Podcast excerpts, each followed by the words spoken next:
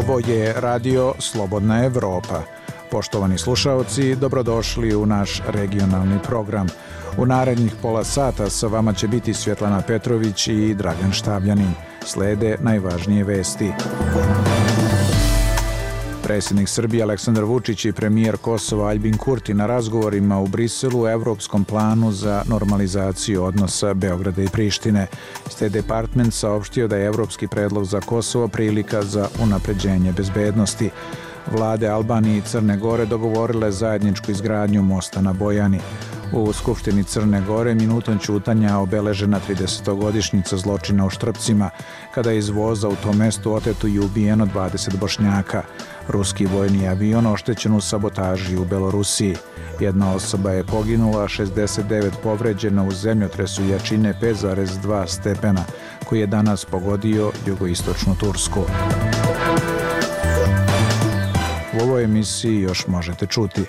Zbog snežnih nameta bio je blokiran saobraćaj između Dalmacije i kontinentalnog dela Hrvatske. Najveći problem bili su neodgovorni vozači koji su uprko zabrani krenuli zatvorenim delom puta. Kata Koprešak iz Hrvatskih autocesta. Radi se o 12 vozile, negdje 20 osoba. Mi smo ih uočili na kamerama i naši vatrogasci krenuli su pješice, kilometar i pol pješice kroz onu snježinu da bi došli do njih, da bi im pružili pomoć. Snežne padavine napravile kolaps i u Bosni i Hercegovini. Odložena nastava brojne saobraćajke. Na asfaltama je snijeg od prilike jedno oko 40 cm. Trenutno škola danas ne radi zbog neprohodnosti snijega. Jučer je nestalo struje, nadamo se da će danas doći. O uticaju rata u Ukrajini na pad stranih investicija u Bosni i Hercegovini, direktor Unije udruženja poslodavaca Republike Srpske Saša Ačić. Suština tog problema je još i dublja, a razlozi za tako nešto leže u, to je broj jedan, politička nestabilnost, koja je jasna i koja je kontinuitet. Slušate radio Slobodna Evropa. U nastavku najpre o razgovorima u Briselu predsjednika Srbije Aleksandra Vučića i premijera Albina Kurtija sa visokim predstavnikom Evropske unije za zajedničku spojnu politiku i bezbednost Josepom Boreljom i evropskim specijalnim predstavnikom za dijalog Miroslavom Lajčakom. Dvojica evropskih zvaničnika su se najpre odvojeno sastala sa Kurtijem, a potom Vučićem. Zajednički sastanak Vučića i Kurtija treba da počne u vreme trajanja ove emisije i da traje do kasnih sati. Što duže traje sastanak, to su veće šanse da se uspešno završi, rekao jedan neimenovani zvaničnik Evropske unije upućen u proces. Vučić je izjavio oči sastanka da ne treba očekivati nikako istakao kapitulaciju Srbije, niti povratak u 90. Današnji susret Vučića i Kurtija najvažniji je trenutak u procesu normalizacije odnosa u poslednjih deset godina.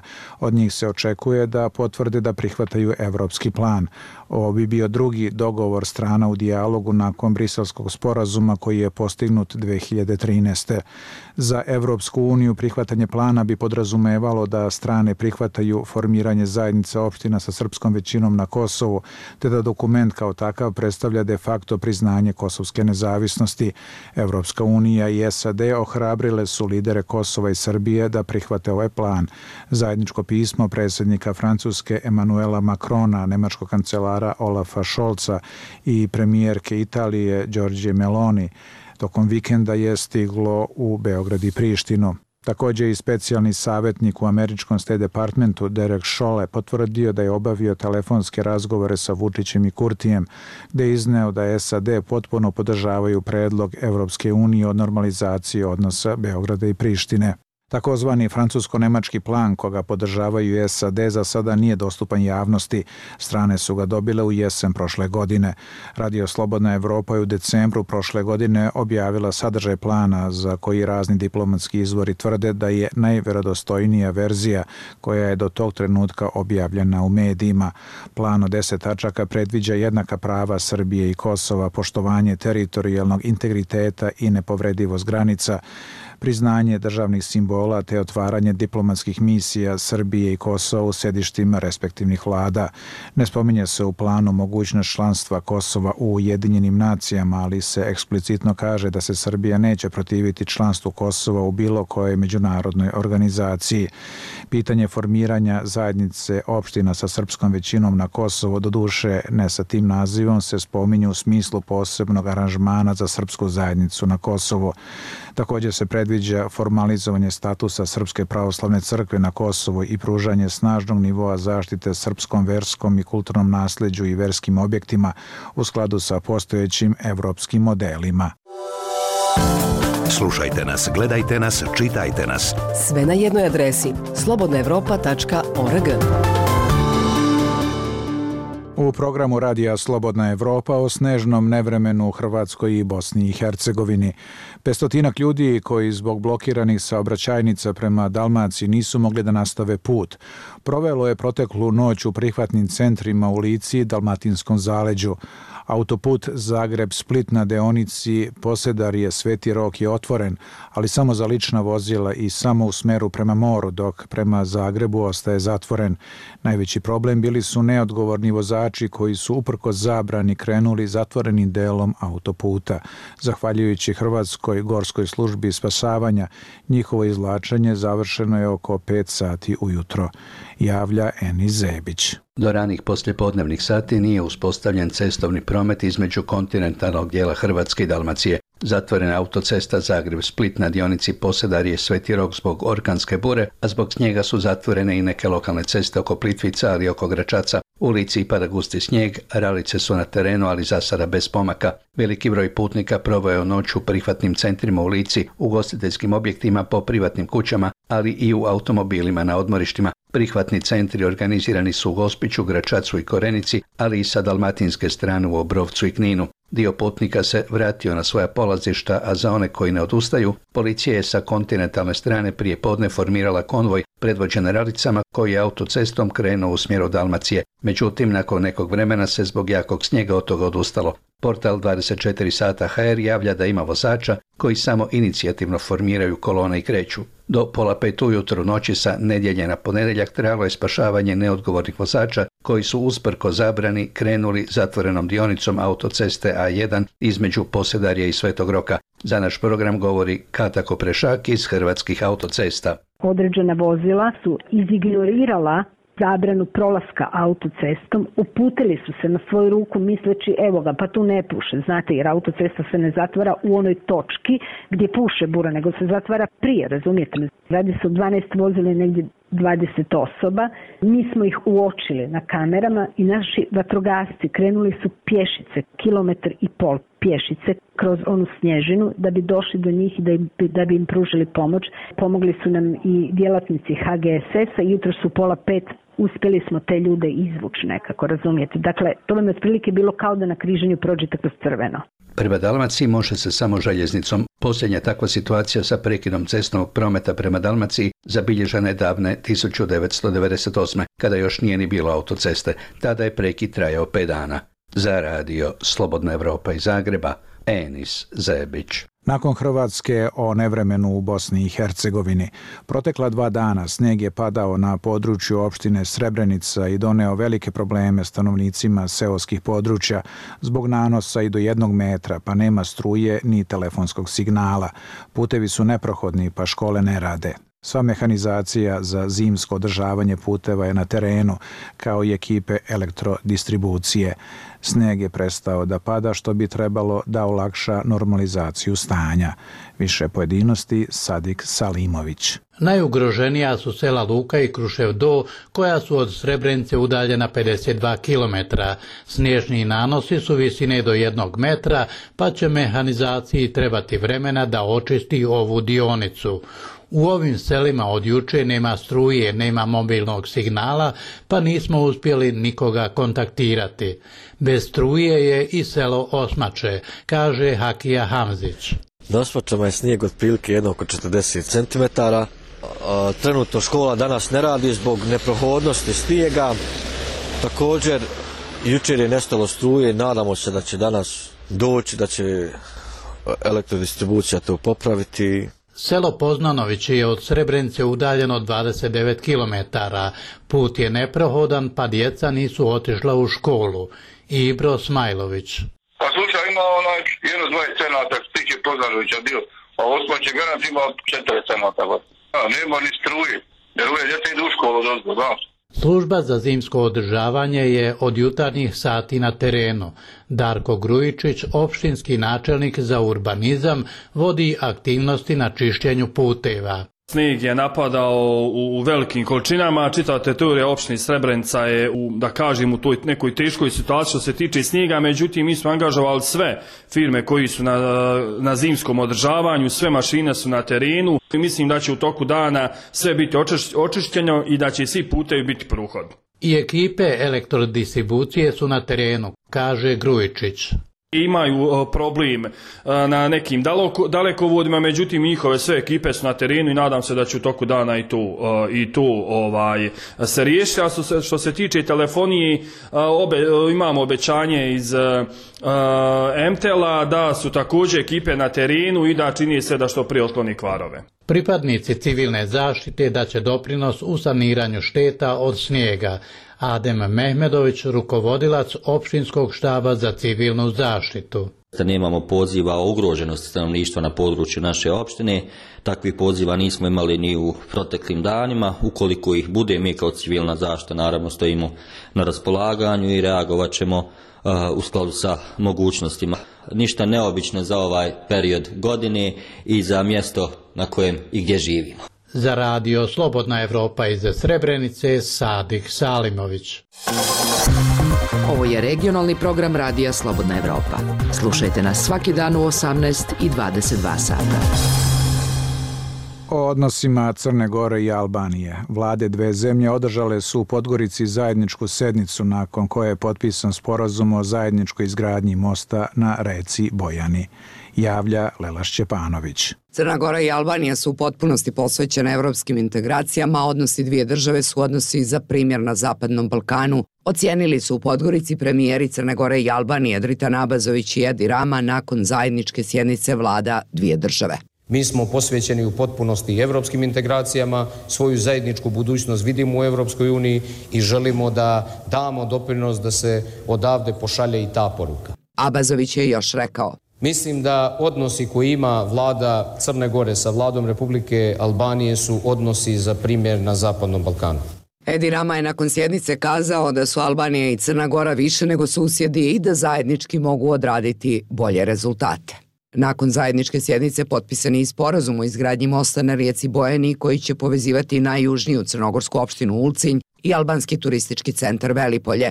Dvije države će podijeliti troškove izgradnje mosta, a prema Abazovićevim riječima on će koštati ukupno 20 miliona. Pored toga, danas je potpisano još devet sporazuma iz odbrane zdravlja, socijalne zaštite, energetike, ribarstva, zaštite bilja, sporta, kulture i medija.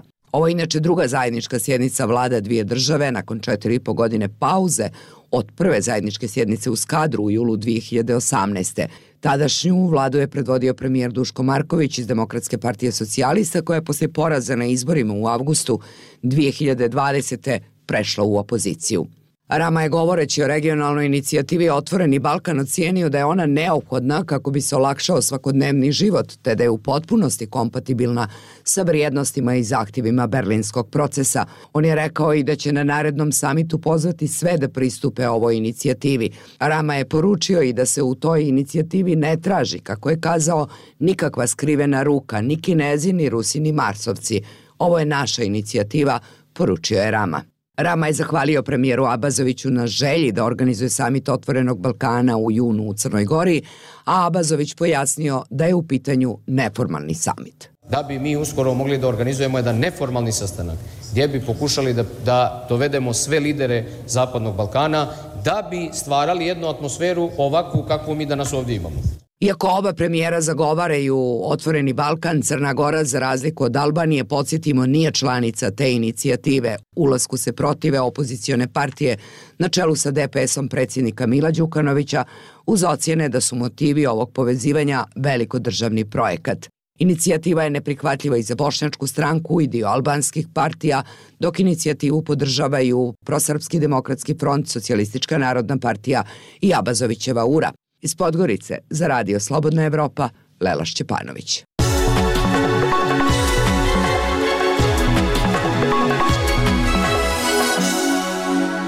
O 30. godišnjici zločina u Štrpcima. Pre početka sednice Crnogorskog parlamenta poslanici su minutom čutanja odali počast žrtvama na inicijativu Amera Smajlovića iz Bošnjačke stranke.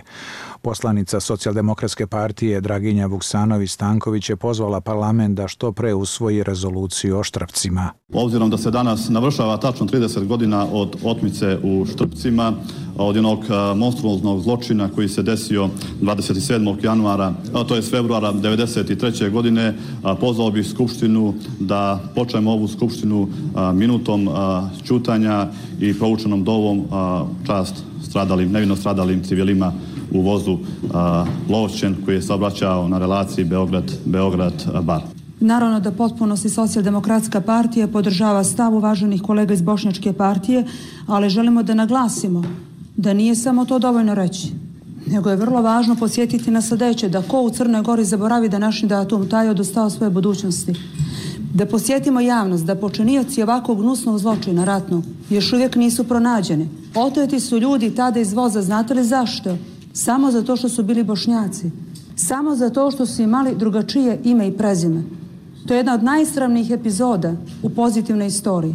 I za to smo dužni svakodnevno da opominjamo, da posjećamo i da insistiramo da se izvršijaci ovako teškog ratnog zločina privedu pravdi, da se pronađu. Prema tome, insistirat ćemo na tome i ono što je jako važno, apelujem da Skupština Crna Gora što prije svoji rezoluciji o štrpcima. Znate da su kolega Adnan Striković i koleginica Ida Zoranić već imali tu inicijativu i smatram da ovako visoki dom treba da donese jednu ovakvu rezoluciju. Poslanica socijaldemokratske partije Draginja Vuksanović-Stanković.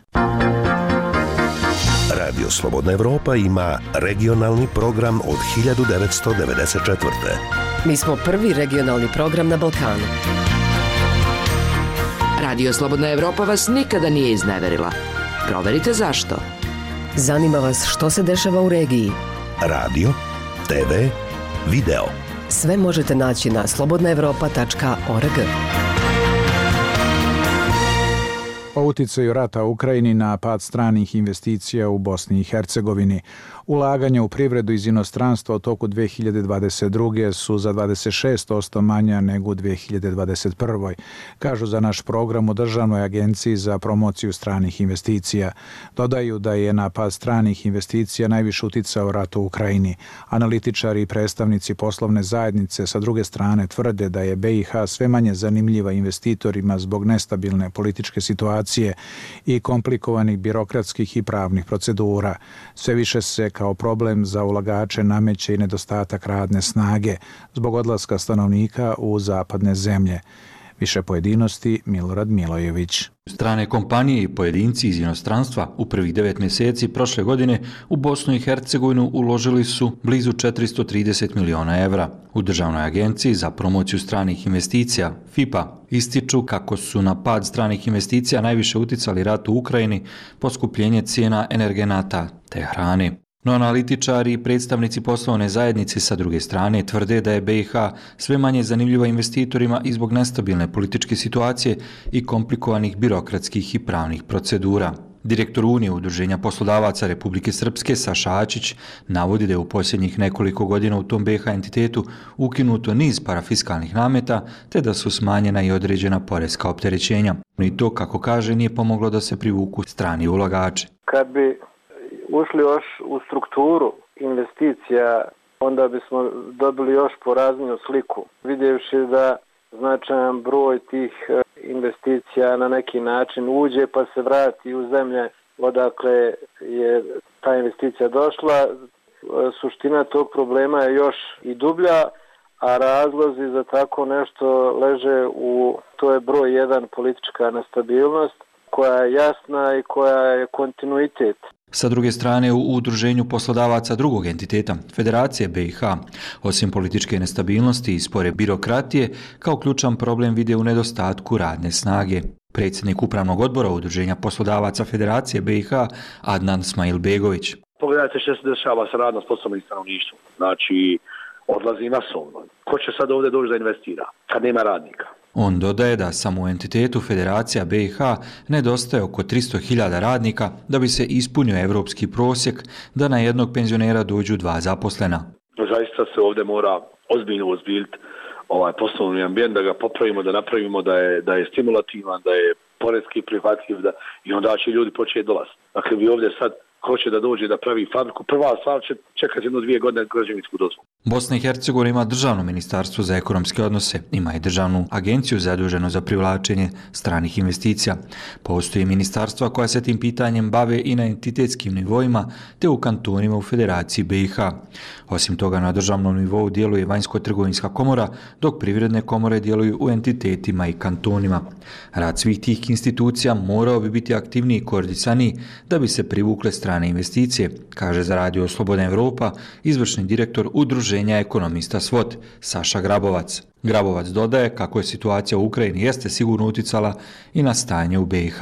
On ističe kako bi se diplomatsko-konzularna mreža Bosne i Hercegovine morala koristiti više u svrhu promocije BiH kao zemlje za ulaganje. Očigledno je da se ne koristi na najbolji način, da to nekako nije ni prioritet u rade naših diplomatsko-konzularnih predstavništava. Ono što imamo s druge strane imamo i dosta razuđenu, neusaglašenu mrežu nekih predstavništva. Republika Srpska ima recimo svoja privredna predstavništva u nekoliko zemalja. Strani kapital, prema zvaničnim podacima, najviše se ulaže u financijske uslužne djelatnosti, trgovinu na veliko, proizvodnju baznih metala, proizvodnju i snadbijevanje električnom energijom, plinom i parom. Za radio Slobodna Evropa iz Banja Luke, Milorad Milojević. Ekološke teme u Bosni i Hercegovini. Pod pritiskom Ekoforuma iz Zenice, multinacionalna kompanija ArcelorMittal u BiH mora da unapredi zaštitu životne sredine. Među merama koje mora da sprovede je saniranje deponija sa desetinama miliona tona industrijskog otpada. Više u prilogu Arnesa Grbešića. Život u Zeničkom naselju Tetovo u blizini kompanije ArcelorMittal nije nimalo prijatan, kaže to predsjednik mjesne zajednice Tetovo Ahmed Šišić, čija je kuća udaljena oko pola kilometra vazdušne linije od Mitalovih pogona u Zenici. Sad ovaj novi divnjak što su radili kao navodno čelčani, kad stojiš ispred ambulante i da snijeg pada kad pusti, kaže filteri, ba kak filteri? U blizini ArcelorMittala u Zenici je i mjesna zajednica Donja Gračanica. Odnosom bosansko-hercegovačkog dijela multinacionalne korporacije za proizvodnju čelika prema zaštiti životne sredine nije zadovoljan i predsjednik ove mjesne zajednice Muris Šarić. Ma deponija velika tamo u Tetovu i gradišću, a sad su u krugu željezare ogromnu količinu troske napravili. Ogromnu količinu. Nakon nedavnog zagađenja rijeke Bosne u blizini pogona ArcelorMittala u Zenici, iz uprave je saopšteno da taj incident predstavlja veliko iznenađenje.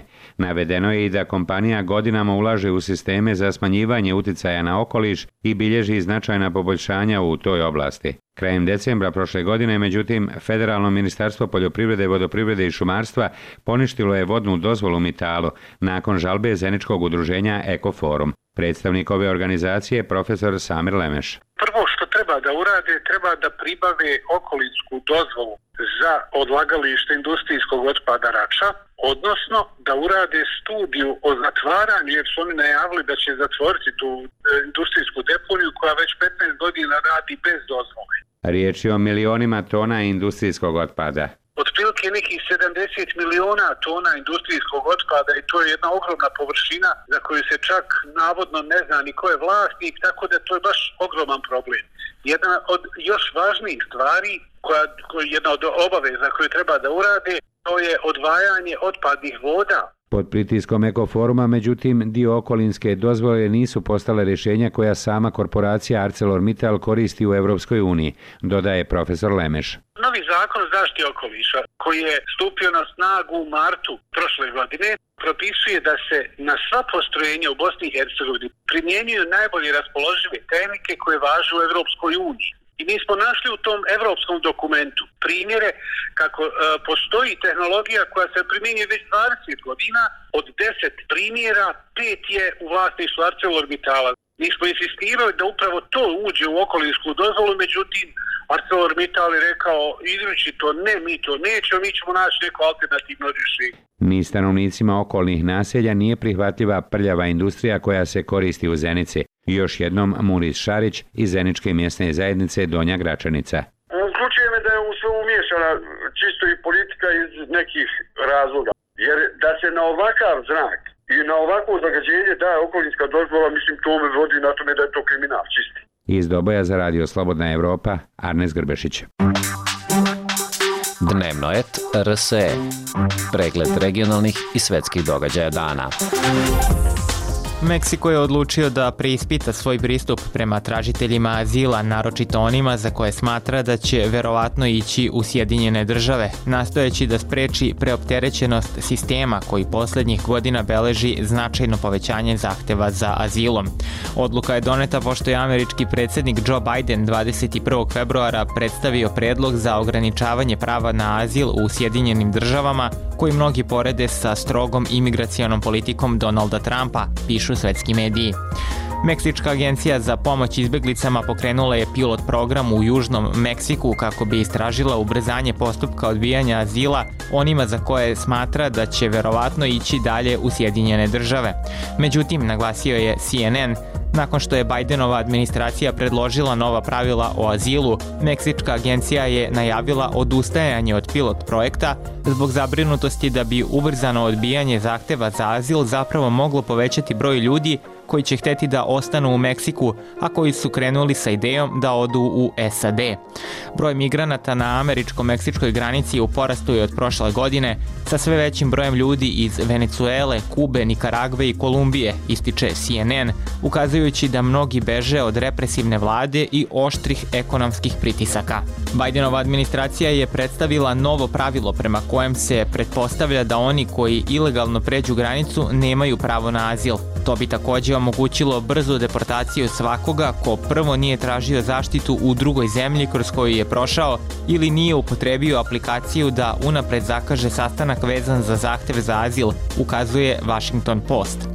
Mnogi kritičari su uporedili Bidenove predloge sa Trumpovim pokušajem zabrane tranzita koji je sud blokirao.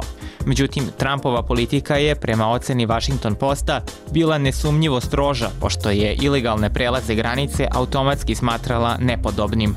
Bidenov plan, dodaje list, predviđa humanitarne izuzetke i omogućava ljudima da iskoriste druge postupke. Ipak, ističe Washingtonski list u analizi, nova politika označava značajan odmak od onoga kako je Biden govorio o tim pitanjima pre samo nekoliko godina, kada je kritikovao Trumpa zbog prisiljavanja ljudi da ostanu van SAD dok podnose zahtev za azil i naglasio teškoće sa kojima su se ti ljudi suočavali.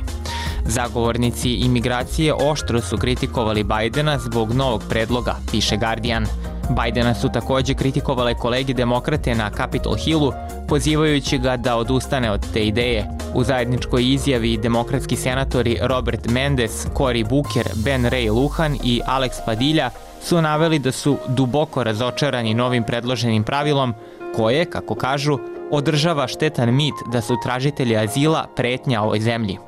Dok pojedine demokrate poručuju da Sjedinjene države ne bi trebalo da ograniče legalne puteve za ulazak u SAD, već bi trebalo da ih prošire, Američka unija građanskih sloboda, koja je osporila slična ograničenja azila pod Trumpovom administracijom, navodi da će tužiti Bidenovu administraciju ako se pravilo usvoji.